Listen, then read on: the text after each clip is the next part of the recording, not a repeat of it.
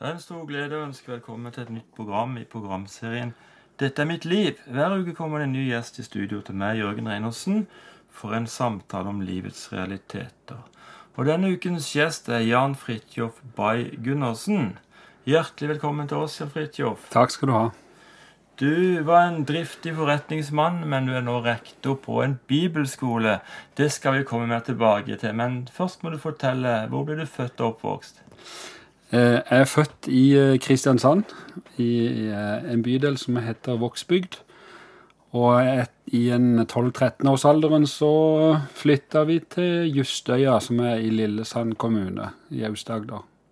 Så der hadde du din uh, ungdomstid, da, eller? Ja, i Lillesand. Det var ved Brekkestø, har du sagt tidligere. Stemmer det? Det er jo en idyllisk uh, uthavn eh, i eh, Blindleia. hvordan Åssen var det å vokse opp der? Ja, altså fra å komme fra byen med masse venner, så var det veldig stor overgang å være 12-13 år og komme langt ut på landet og plutselig finne ut at eh, Å kjenne på ensomheten, da. For det gjorde jeg skikkelig, og jeg er egentlig veldig, veldig sosial. Ja. Så det var ingen gatelys og ingen eh, Måtte sykle et stykke for å komme til buss, og, eh, så det var stor overgang. Men eh, ungdomstida di, hvordan vil du karakterisere den? Nei, jeg, jeg har jo jeg har veldig herlige foreldre, og, og vi hadde Jeg hadde det bra. og Fikk venner i, noen få gode venner i Lillesand. og var aktiv i noe som heter TenSing, som er et eh, ja, typisk sånn, Kirka hadde kor da, vi var sikkert eh, 100 stykker, tror jeg faktisk. Men det var veldig sosialt og mye gøy. Så egentlig ei, ei god tid, vil jeg si. Synger du ennå? Jeg har sunget en del, men uh, nå sa, sang jeg faktisk for dattera mi i- sammen med dattera mi i bryllupet nå på lørdag. da. Ja, hun gifta seg, hun. Ja. ja. Det var vellykka. Ja, det var, men det er godt når det er over. men det var veldig, hun var fin, så Ja, det er bra. Eh, Hva vil du si mer om uh, ungdomstida di? Du, opp, du vokste opp i et trygt miljø, men uh, var det noe uh, si, utfordringer som møtte deg? Nei, altså Jeg har vokst opp med egentlig kristne foreldre og besteforeldre på begge sider, og hatt et trygt og godt eh, Men det var jo Skal vi si Dette med Den hellige ånden, altså dette med eh, Noen vil kanskje si at det ble litt for mye, eh, altså litt utover det vanlige, da. Det var jeg nok litt fremmed for. Man, sånn greit kristen, kan man vi si. Og så fikk jeg høre om, den, om noen som hadde vært på noe som heter oasemøter, som var en sånn felles eh, kristent i, i statskirkeregi. da. Men der var det snakk om Den hellige ånd, og jeg hadde jo hørt om det, men det var noe som liksom var litt farlig, da. Eh, sånn som jeg tenkte, iallfall. Eh, men så var det det at gjennom å stille spørsmål og få ut all min eh, skepsis til alle dette her, eh, så plutselig, så når jeg ikke hadde flere spørsmål, så fant jeg jo ut at jeg lengta jo etter noe mer. Og fikk smaken på dette Jeg, fikk rett og slett erfare at det er sant at Jesus lever, da. Så jeg var sånn 17-18 år, så, så hadde Det var som om jeg var forelska, rett og slett, i eh, Det hadde jeg aldri opplevd før. Du var forelska i, I Jesus. Mm. Ja. Det er jo fantastisk. Ja, det var en veldig sterk opplevelse, faktisk. Ja. Og, ehm, men så er det jo litt sånn at man blir prega av omgivelsene, og kanskje den gangen kanskje jeg hadde en kjæreste som syntes det, det, det, det var greit nok, men det ble litt eh, Vi må liksom legge det litt på riktig plass. Og da vet det kanskje ikke bevisst, men jeg tror nok at da etter hvert så så levde jeg kanskje ikke sånn som jeg kanskje skulle levd. Sånn at eh, Det er jo litt sånn at Gud eh, Jeg vet jo det at når jeg lever med Han, så, så, så, så handler det jo litt om å leve livet med Han, da. Og jeg tror nok jeg trakk meg litt tilbake og kanskje kom, mist, gikk litt på kompromiss. Jeg tror jeg vil si det sånn at eh, det var kanskje ikke alt som jeg levde som jeg skulle i forhold til det livet. Og da er det akkurat som Den hellige ånd er, er veldig gentle og forsiktig, og han på en måte bare la meg velge, da. Og da Jeg kunne merke at noe av det jeg hadde opplevd eh, gradvis, på en måte var Ja, det ble sånn som du pleide etter hvert. Hva gjorde du etter ungdomsskolen? da gikk jeg rett inn i eh, Altså tok gymnas og så militæret. Jeg tok noe sånn ja, befalskurs da og sånn. Og så begynte jeg å jobbe i familiefirma da. Og studerte samtidig. Men det er jo bilbransje som har vært familiens si, virksomhet spesielt, da. Ja, Du må fortelle litt om det familiefirmaet. Nei, Jeg har en farfar som starta en Ford-forretning i 1919, da. Og det er jo 100 år siden til neste år. Som drev dette fram til min far overtok i 50-årene. Og så, så jeg vokst opp med verksted og biler, og egentlig så etter hvert ble det jo mye bilutleie og søppel og lastebiler. Og det ble egentlig alt som bare kobles til biler, da. Men det var Eh, så jeg overtok der og, og, studerte, og så etter hvert var jeg selger og salgssjef. Og så uh, ble jeg daglig leder da etter hvert. Mm. Men uh, ja, så var det jo det at jeg er jo ikke der lenger nå, da. Nei, hva har skjedd? Nei, det, jeg opplevde jo at det, det, det, var det jeg skulle gjøre, og jeg syntes det var mye gøy med det. Men det som skjedde, var at jeg, at jeg var gift. Og det ble, det ble slutt. Og det, var veldig, veldig tungt. Og det ble for meg en stor krise. Og førte til mye grublerier.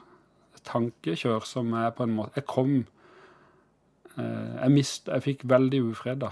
Mm. og førte om jeg fikk angst eh, Jeg fikk iallfall jeg, jeg kunne være på jobb og stå midt i dette her, og så kunne jeg være sånn kliss våt av svette.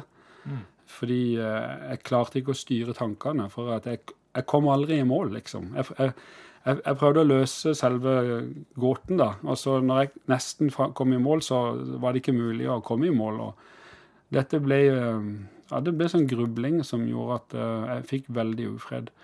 Og jeg førte meg ut i et veldig eh, jeg sier mørk eh, desperasjon. Og jeg, jeg levde ikke det kristenlivet som jeg skulle leve. Og jeg skjønte bare at uh, jeg har egentlig bare ett valg, og det er enten blir jeg, jeg, enten blir jeg gal, eller så må jeg kaste meg på Gud. Uh, og det ble veldig sånn naivt eller sånn barnslig for meg at jeg, jeg, tror jeg var der hele tida. Men jeg skjønte at nå er det ikke tid for å tulle lenger. Jeg måtte gå all in. Eh, og jeg visste bare at det, det, finnes en fred, og den har jeg hatt. Eh, og jeg så liksom bare for meg Jesus, at han hang på korset. Han sier at alt er ferdig. Og jeg måtte akkurat sånn visuelt se for meg at, han, at, han, at jeg så på han. Akkurat som når jeg så på han, så, så ble det greit. Og i, de, i den tida der så hørte jeg om, eh, om, noen bønnemøter i en menighet i Kristiansand som heter, som heter Philadelphia. da. Og det var for meg Pinsemenighet var jo langt ut av mitt eh, det, var ikke, det, det, var ikke innenfor min radar, jeg kan si det sånn. Men eh, Egil Svartdal, som kanskje er litt kjent i dag, han var pastor i den tida der. og jeg syntes jo han var gøy å høre på. Og så var det noen eldre mennesker som satt og ba i kjelleren i denne menigheten. da. Og når, når um, vi kom der, hun som da etter hvert er blitt kona mi, vi søkte Gud, og jeg bare kjente at her var det folk som virkelig gikk for dette. Og ettersom ti månedene gikk, og jeg søkte Gud der, så var det akkurat som bølgene ble mindre og mindre, og jeg fant fred. Og det ble liksom en fred som jeg aldri, aldri vil bytte, fordi Eh, det er ikke noe å gå på. Så jeg, jeg, jeg, vet at jeg må leve helt der for å være i den freden, da, sammen med han. Du ble jo eh, skilt som ganske ung, eh, og dette er jo en del år siden. Hvordan ble det mottatt i det kristne miljøet du var i? Um, det, det, egentlig så, så så opplevde jeg ikke det så veldig tungt, egentlig. For det at um, Det var kanskje mer vanskelig etter hvert når en skulle uh, finne seg en ny, eller når det ble til det at jeg traff Randi, da, som jeg er gift med. Men jeg syns egentlig jeg har vært nokså Skal vi si heldig, da. Men Eh, nå, nå, nå, er det jo forskjellige innganger og utganger i det, men jeg føler meg jo nokså trygg i det som, som, som skjedde da. Men, men, det er klart det er krevende. Og, men jeg har på en måte Man kan jo man kan jo være opptatt av mange ting, men jeg har bare funnet ut at eh, jeg må leve livet med Jesus, og så er det det som på en måte er mitt fokus. Og så må livet med han være det som er så får det andre på en måte være andres uh, jeg, jeg, Ja, det er liksom det jeg velger å fokusere på, da. Mm. Og så følte du liksom at det, det, var, det, var, kun å søke Gud som, som var løsninga. Eh, og kan det være at vi kommer der i livet, at det kun er Gud som er løsninga, at vi ser ikke noe annet som jeg tror jo Altså, jeg, Gud elsker alle mennesker. Han vil at alle mennesker skal bli frelst. Han, eh, han, lengter etter alle mennesker, og han står og venter på alle sammen. Og jeg tror at vi har det tomrommet i oss, alle mennesker. Og jeg tror at vi fyller det med alle mulige erstatninger også. Men jeg tror det er litt sånn at når Dessverre, da, når man kommer ut for ting, og kanskje må komme til endes av seg sjøl. Hvor man egentlig kommer vil jo helst fikse dette sjøl. Jeg vil jo helst Jeg har jo løsningene på dette her. Men når det ikke, det, når det ikke er flere løsninger, muligheter, og du har prøvd alt, så er det akkurat som jeg føler noen ganger at Gud eh, Skal vi si Man må dessverre langt ned og langt ut for å finne ut at jeg må snu. Eh, litt som den bortkomne sønn, at man finner ut at eh, det er ingen annen utvei. Og da, når man blir ferdig med sine egne løsninger, da, så, så er det jo egentlig bare å snu rundt og si jeg, jeg vil hjem. Og det er det beste stedet å være. Ja, velkommen tilbake til programmet 'Dette er mitt liv'. Jeg besøker Jan Fridtjof Bay Gundersen i studio. Jan Fridtjof, du har fortalt at du hadde en en tøff tid med at det var skilsmisse, og du så bare Gud som den eneste løsninga. Men det var disse bønnemøtene i Kristiansand som virkelig skulle bli forløsende. Så du er ikke den første som sier det. Du må fortelle litt om hva som skjer der nede. Altså Hvis noen hadde sagt til meg at jeg skulle sitte i en kald kjeller med ti gamle mennesker og be, så ville jeg tenkt det er noe så kjedelig.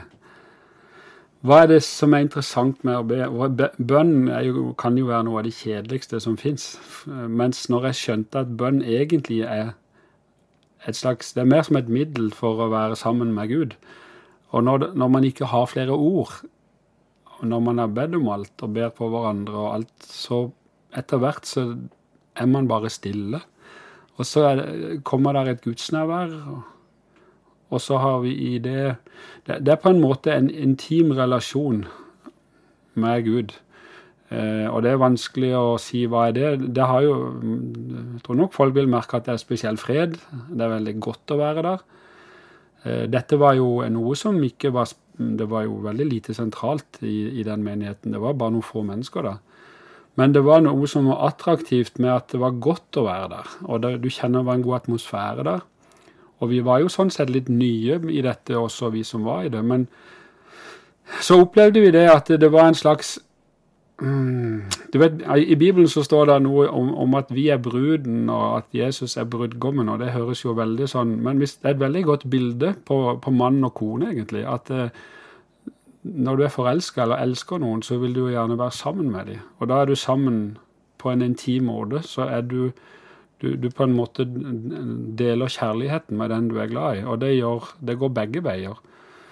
Og etter hvert så kom det flere. Vi var jo 15 og 20 og 30, og så ble det litt trangt der. Og så tørte vi å flytte opp i en større kafé og syntes det var litt nifst. Og så kom det 50, og så kom det 100. Og da kom det folk fra alle typer menigheter i, i, byen. Det var egentlig hele kirkelandskapet, og halvparten var, var ikke fra den menigheten. De, det var en slags tverrkirkelig Og det var ikke annonsert, det er mer bare at det ryktes, da.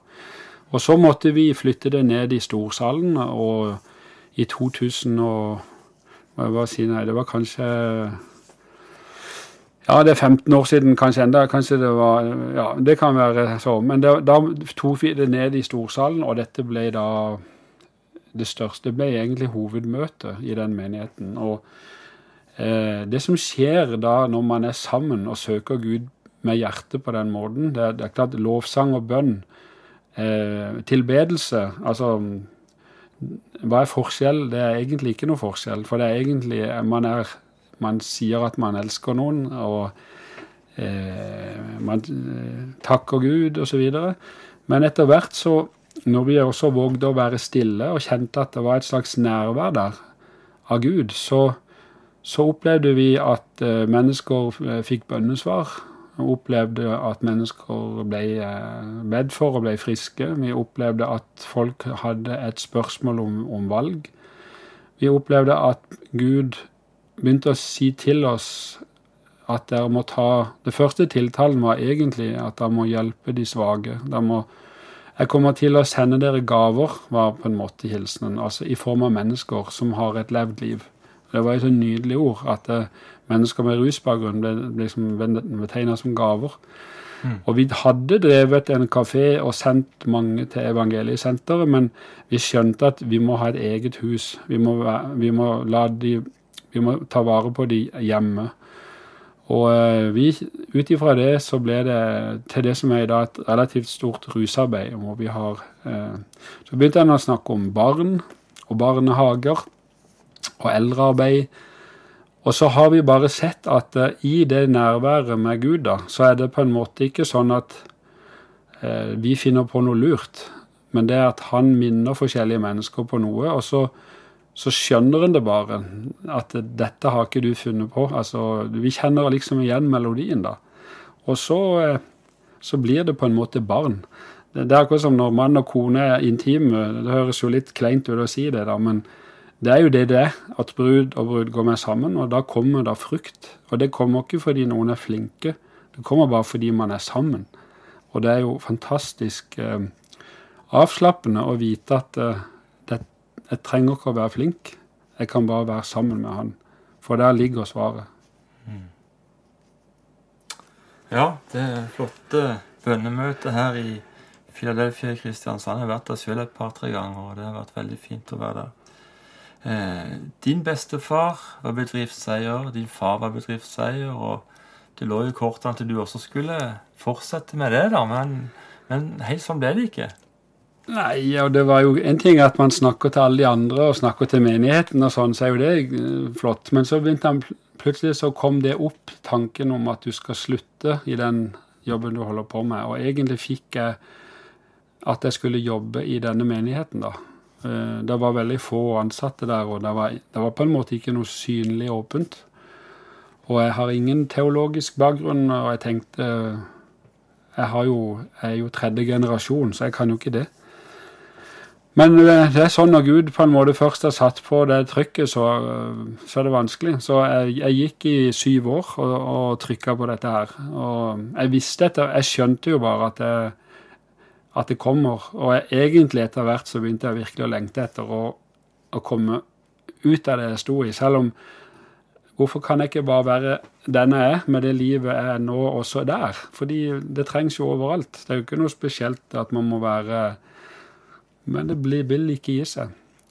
Så det kom den dagen gjennom forskjellige eh, hilsener, eller, eller, hva skal man si en, en, ting er at man bare vet det sjøl, men da kom fremmede eller andre mennesker med bibelvers som bekrefta det veldig på, på, veldig spesielle tidspunkter. da, og en morgen jeg sto opp, så, så, visste jeg det bare gjennom et helt konkret hendelse. da, Og da gikk jeg til styret og sa at eh, nå må vi ha styremøte, for jeg skal slutte. Og da tenkte de at jeg hadde funnet på noe veldig lurt. Men sannheten er at jeg ikke hadde noe Hadde ikke noe jobb. Jeg hadde familie og fått tre barn. Hus og gjeld. Men det er bare når det er rart med det, når du vet det, og vet, så er det på en måte ikke noe vanskelig. Så eh, hvordan blir det mottatt i styret, da? jeg har jo en uh, fantastisk nådefull far som tenker på det. Han har vært der siden han var liten, og så har gått i dette i 30-40 år. For så at jeg har gått i det. Og så Han bare stilte meg veldig mange kloke og gode og dype spørsmål som jeg virkelig måtte tåle. Men det var aldri noe kritikk, faktisk. Han uh, bare stilte gode spørsmål til meg. Og det var ikke noe vanskelig, eh, for jeg visste bare. Eh, og, når du gjør en så dramatisk ting, så må du, da må du vite det. For det kommer problemer. Mm. Eh, og det kom. Eh, men jeg har en far som bare heier på meg, og han heier på meg da, og han er superinteressert i alt det jeg holder på med, så jeg er veldig, veldig takknemlig for, for, for han og, og, mine foreldre. Du gikk altså for en, jeg regner med det var en godt betalt jobb også, ut nesten i arbeidsledighet? altså? Ja, når det var Jeg gikk ut med en liten overlapping for da kom en ny leder, og så to uker før eh, det ikke var Jeg skjønte nå hadde jeg ikke penger igjen, så så fikk jeg tilbud om en, en, jobb som ikke hadde noe med menigheten å gjøre. Men det som skjedde, hvis jeg kan si det kort fortalt, det var tre år med fullstendig avkledning. da. Det var mange krevende ting som skjedde. og jeg tror Gud rett og slett forberedte hjertet mitt, og det var å bryte ned stolthet og kle av med alle posisjoner. og Det som skjedde da etter tre år, eh, hvis jeg kan gjøre det litt kort, det var at eh, jeg sto uten jobb. Jeg var arbeidsledig og måtte gå på arbeidsledighetskontoret. Og jeg husker jeg skjønte jeg syntes dette var Altså Selv da var jeg ikke i tvil om at det var rett. Det er jo ganske rart, men da, jeg var så Men allikevel syns jeg det var eh, krevende å sitte på arbeidskontoret. Jeg syns jo det. Men så, etter å ha vært arbeidsledig eh, Det ble faktisk en eh, henimot et halvt år. Men så kom spørsmålet plutselig ifra menigheten om jeg For da hadde de fått noe sykemelding på rusarbeidet. Og da var det spørsmål om jeg kunne jobbe tre måneder, 50 i, med rusomsorg. Og det hadde jo aldri jeg tenkt på. Eh, men jeg skjønte med en gang at eh, jo, det, det har jeg lyst til. Det er riktig. For da var det menighet. Og da ble det jo etter to-tre måneder snakk om jeg kunne være der fullt, om jeg kunne være et år. Og så på en måte var det Og da eh, Det er jo sånn, klart som du sier, eh, når du på en måte har sluppet taket, så har du sluppet taket. Men det er klart den første lønna, den der eh, årslønna da, på en måte, brutto årslønn, det var jo da det, det samme som jeg kunne fått i lønnstillegg. Altså hvis jeg fortsatte i den andre jobben, så skulle mm. jeg få så og så mye lønnstillegg. Mm. Og det jeg fikk i årslønn, det var det samme som lønnstillegget. Da, men da ble det bare på en måte litt gøy, fordi jeg, spilt, jeg kjente at det spiller ikke noen rolle. For jeg, jeg, er der jeg skal være. Mm. Og han har sagt at han skal være trofast. Og da er, det, da er det ikke mitt problem. For han har lovt å være med. Og det er ja, det er jo klart, det høres jo lett ut å si det, men jeg har fått prøvd det, og det, der ligger en, en frihet i det. Velkommen tilbake til programmet er mitt liv'. Av Jan Fridtjof Bay Gundersen i studio. Jan Fridtjof, du gikk jo da for en, eh, en jobb som administrerende direktør og, og, ble arbeidsledig fordi du ønska å tjene Gud. Eh, og du kom inn i eh, omsorgsarbeidet til Philadelphia i Kristiansand. Hvordan var møtet med, med, med rusmisbrukere? Ja, altså det er jo litt sånn Det står, det står et bibelvers at når, om at han skal lede deg. Og det, det står på en måte om at han skal føre deg dit du ikke vil. Eh, jeg tror jeg at han forbereder oss på det, da, men eh, jeg hadde aldri tenkt på rusmisbrukere. Jeg har, kjenner ingen rusmisbrukere. Ingen i min familie har hatt de problemene. Og jeg tenkte hva i all verden kan jeg, har jeg å på en måte felles, eller hva Men jeg, jeg, jeg kjente at det kobla med en gang, altså. Jeg husker med en gang jeg kom inn der, så var det Jeg syntes det var fantastisk. Og den ærligheten på livet, erkjennelsen på hvordan det er vi hadde, Jeg fikk lov til å være med i samtaler. Vi hadde masse samtaler, og det er jo krevende ting. Det var jo også det første stedet hvor folk kom inn rett ifra fengsel, eller fra avrusninger, eller fra Så det var jo nerver og vib, vibber, som vi sier, og sprekk og alt det som handler om, om, om liv og sannhet og løgn. Og, um, og det å, å, få lov å stå litt sånn som jeg vil nesten si i helvetes forgård, og kjenne på at livet med Gud holder, at ja, det er fantastisk. Og i de samtalene vet du, det tunge eller det, var å speile Man sitter og speiler seg i det som blir sagt, for man kjenner seg jo egentlig igjen i det aller, aller meste. Det er jo ikke noe Mitt liv er jo helt det samme. Bare at når jeg sprekker, så ser du det ikke. Men det er akkurat det samme. Så det syns jeg var fantastisk. Og jeg elsker egentlig å få satt ting litt på spissen. For da blir det så klart for meg hva som er sant. Og jeg, jeg må si at det har vært med å forme og lære meg fantastisk mye å jobbe, jobbe med de som jobber der, og med de beboerne som, som, del, som jeg fikk lov til å ja, rett og slett fikk lov til å, komme inn i de sitt liv. da, At de, du får liksom tillit med at de deler ting som de kanskje aldri har sagt før. Og det å, å følge livet og framgang, og av og til også dette når det går galt, og få lov å begynne på nytt. og ja, det var veldig lærerikt. Så det ble noen år med det, og jeg er fremdeles involvert i det i forhold til, til arbeidet, da. Men jeg har ikke dette som min hovedgeskjeft. Men det vokste jo, det arbeidet, og etter hvert så, så utvida det til et senter i en time fra, fra byen. Også fordi det var krevende å ha første landingssted midt i byen, så vi måtte ha et annet sted hvor folk kunne være i første perioden. Og så har vi et ettervernssenter i byen, da. Så i dag er det sånn mellom 15 og 20 mennesker som vi har 24-7, da. Og med, med, med, mer sånn dyr og skog og sånn oppe på landet og, og sånn. Og folk kommer fra mange kommuner. Men etter hvert så på en måte ble, ble, det jo til at jeg da overtok som leder av det arbeidet. Så det ble, ja, det ble bare sånn naturlig etter hvert, da. Mm. Men når man har jobba med noe etter hvert, så kan man kanskje etter hvert være med å, å forme det. Mm. Etter hvert så fikk du en forespørsel fra menigheten om å starte opp bibelskole? Ja, det var jo det, det, som skjedde, var jo at ungdommene Et ungdomsmiljø går jo veldig opp og ned ettersom hvem som er leder og hvordan ting er. Men eh, vi hadde Egentlig fikk ungdommene litt taket på dette med bønn. Og de skjønte at det, bønn og lovsang og tilbedelse, det, det å være sammen med Gud og oppleve hans nærvær, det er attraktivt. Røyk og lys og kult, det blir du trøtt av. Det trekker ikke folk eh, mer enn noen få ganger. Men livet med Gud, det er alltid attraktivt. Det er attraktivt i dag, i alle generasjoner. Så de var en hel gjeng, flere hundre ungdommer på møtene, faktisk. Det et stort, var et stort ungdomsarbeid. Og så sa de vi vil ikke reise, vi er ferdig med videregående skole. Dere må starte en bibelskole. Og det er jo et veldig godt utgangspunkt. Så eh, da spurte de om jeg kunne tenke meg å, å starte opp. Eh, og ja Jeg har jo aldri vært i noen bibelskole og drevet det, men det er klart når du blir båret på hender av en sånn gjeng som det, og vi fikk litt drahjelp fra en annen skole som hjalp oss litt i gang med fag og så, så har det blitt altså Ja, det har blitt det det er.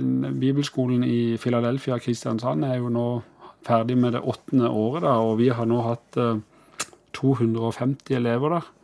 Så det, det, er blitt en De kommer ifra alle sammenhenger når det gjelder kirkelandskap, men også ikke-kristen, eller i høst har vi hatt en muslim som begynte, eller folk som ikke har noe tro.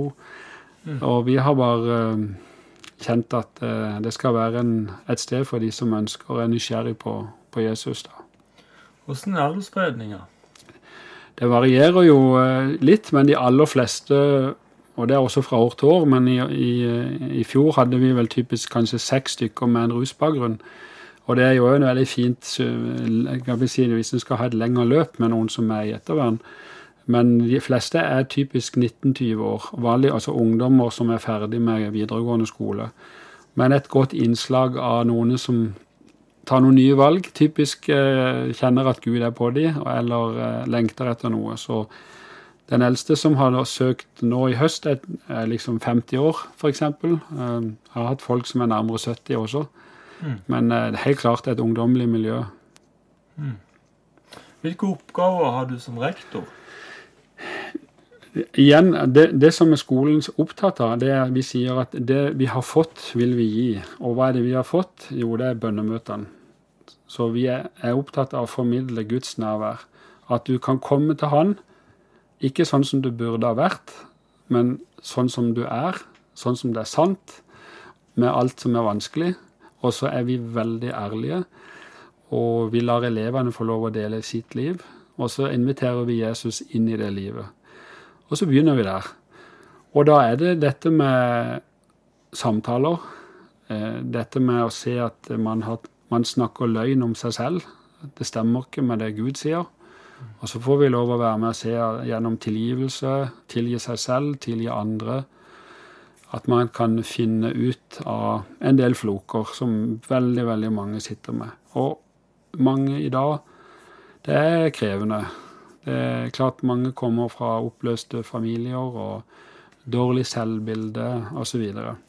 så mm, det er selvfølgelig mye bibelundervisning og moro og bønn og lovsang, men jeg vil si livet med Jesus og det å få lov til å være ekte og sann på livet, det er, det er hoved... Å bli glad i å lese Bibelen, f.eks. Så ja. Mm. Ja, velkommen tilbake til Dette mitt liv. Besøk av Jan Fridtjof Bay Gundersen i studio. Han snakker veldig varmt om bibelskolen i Kristiansand. Og Jan Fridtjof, la oss ta det med i gang. Hvis noen har lyst til å starte på bibelskolen i Kristiansand, hva skal de gjøre? Da kan de gå inn på filadelfiakristiansand.no og gå opp på bibelskolen. Og så finner de informasjon og søknadsskjema. Dere har plass til flere? Vi har ingen begrensning, faktisk. Vi har eh, Og vi har eh, Du kan også gå inn på Facebook og finne oss der, da. På Bibelskolen i Philadelphia Kristiansand. Men det er en skole som eh, ikke er begrensa av antall, og som er også er åpen for lån og stipend. Som, for de som har på en måte er innenfor det, kan søke om lån og stipend. ja. Det er jo veldig bra. Kan du si litt mer om læreplanen og opplegget ellers? Det er jo toårig, så folk går både ett og to år. Men eh, først, første året er jo typisk 'Hvorfor skal vi tro på Bibelen?' Altså, Vi må jo begynne der. Det er jo klart Hvis man ikke har tro på det, så faller jo det meste. Eh, og så det, vi, begynner vi med Gamle testamentet, og det høres jo så kjedelig ut. Men det blir altså det må være det gøyeste de vet.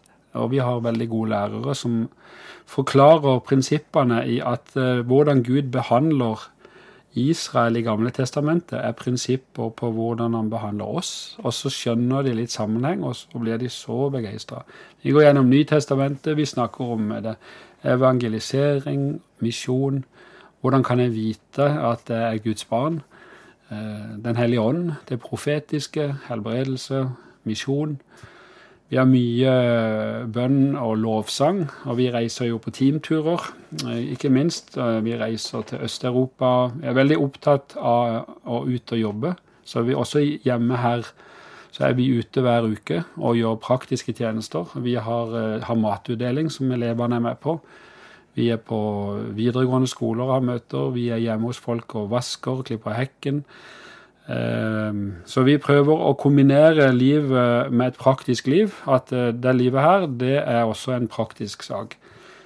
Og så er vi igjen i tur til Israel eller til Vi har vært på Dream Center som er flere år, hvor bl.a. menigheten er på gatene i de verste strøkene i Los Angeles. Og vi kom hjem derfra nå, og det gjør jo kraftig inntrykk. En menighet som vi bor og lever sammen med folk som har bodd på gata eller i fengsel og vi spiser med de, jobber med de, og det gjør veldig inntrykk. Og hvis man kan få noe av dette denne, med seg her, da, hjem til hvor man kommer fra, så er det vel det vi har lyst til, da.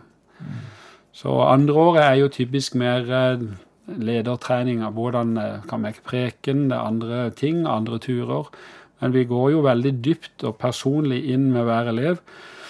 Og vi legger mye vekt på samtaler og veiledning, så vi er opptatt av at folk skal på en måte få lov å finne, finne seg sjøl og finne livet med Gud, sånn at ikke man bygger kunnskap i hodet, men ikke får tak i det. Derfor så er vi veldig opptatt av veldig tidlig å, å jobbe med det personlige livet. For det, det, er tungt å sitte og høre på ting når, når, når kropp og følelser er et helt annet sted. Mm. Mm. Det er sant. Du må bare si et par ord som familien din. Du er gift med Randi. Eh, hvordan møttes dere?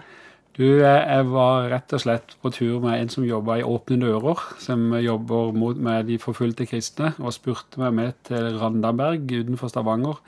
Og Skulle overnatte der, og da var det ei veldig søt jente som åpna opp. Og så, så ble det til at vi utvikla det derfra, og har nå tre barn. Og hadde bryllup nå på lørdag for min eldste datter på 24, og det er jo en fest.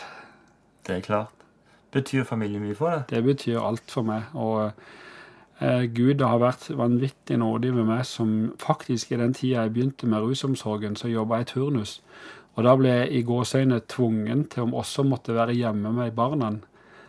Og da, i de årene var jo da de var små. Og jeg er så takknemlig for at jeg fikk være med de, for jeg kunne ha det i meg at jeg hadde jobba alltid og vært for lite hjemme. Men jeg måtte være hjemme når hun var på jobb, og motsatt. Og da fikk jeg en veldig god og nær kontakt med barna. Og det, det, er, jo bare, det er jo bare Guds nåde. Fantastisk. Mm. Du er blitt ca. 55 år. Eh, hva gjør du om ti år? Jeg håper jo at, at jeg jobber eh, med mennesker. Jeg kommer, men jeg kjenner faktisk det, at det som er kommet opp i meg nå, er at uh, de, også de som sitter høyt oppe Jeg kommer fra forretningslivet, men jeg kjenner at de som sitter høyt oppe, er like fortvila, kan være like langt nede som de som er synlige. Og jeg har bare kjent at hvem skal gå til de? Hvem skal fortelle en som sitter ensom på toppen, at Jesus elsker han, og at det fins et håp? Så det er vel liksom jeg, jeg kjenner akkurat som et, eh, et, rop til å få lov å, å være for noen som eh, som ikke tør å si at eh, de trenger hjelp, for det er veldig vanskelig å si det når du sitter sånn til. Mm. Så ja. Gud er for alle mennesker i alle samfunnslag. Det er jo veldig sannsynlig at det også nå sitter en del lyttere som har det ganske tøft. Har du noe til de? Ja, jeg tenker at det, det står at, eh, at søk først Guds rike, står det. I Matteus 6, 33 så står det 'søk først Guds rike', så skal du få alt det andre i tillegg. Det er helt ulogisk, for alt det andre er nemlig det som er problemet. Det er det som er bekymringene, det er det som er utfordringene. Så jobb, man jobber alt man kan med, med, det. Men han sier 'søk meg først', så skal, det, så skal jeg ta meg av det andre. Og det vil si at da velger man ikke i prinsippet og, og med hodet, men man kaster seg på han med alt med hele seg, med all sin forstand, med hele sin sjel, og sier 'jeg ønsker å gi deg sjansen'. Og jeg vet bare at det holder. Og jeg har sett det så mange ganger for meg sjøl, men også i veldig mange menneskers liv. Fra alle mulige samfunnslag. Da får det være oppmuntringa her i dag, og oppfordringa at du eh, gir alt og satser alt og søker Gud først. Det er Jan Fridtjof Bay Gundersen du har lytta til. Hjertelig tusen takk for at du kom i vårt studio i dag. Må Gud velsigne deg, din familie og din tjeneste videre. Takk skal du ha. Tekniker i dag har vært Jarle Fjelstad. Mitt navn er Jørgen Reinholdsen. Neste uke er vi tilbake på samme tid og på samme kanal med en ny spennende gjest i studio. Legg gjerne med Jørgen Reinertsen eh, til som venn på Facebook. Da får du oppdatert informasjon om våre gjester framover i denne programserien som heter 'Dette er mitt liv'. Vi takker for i dag og ønsker deg det beste av alt Guds velsignelse.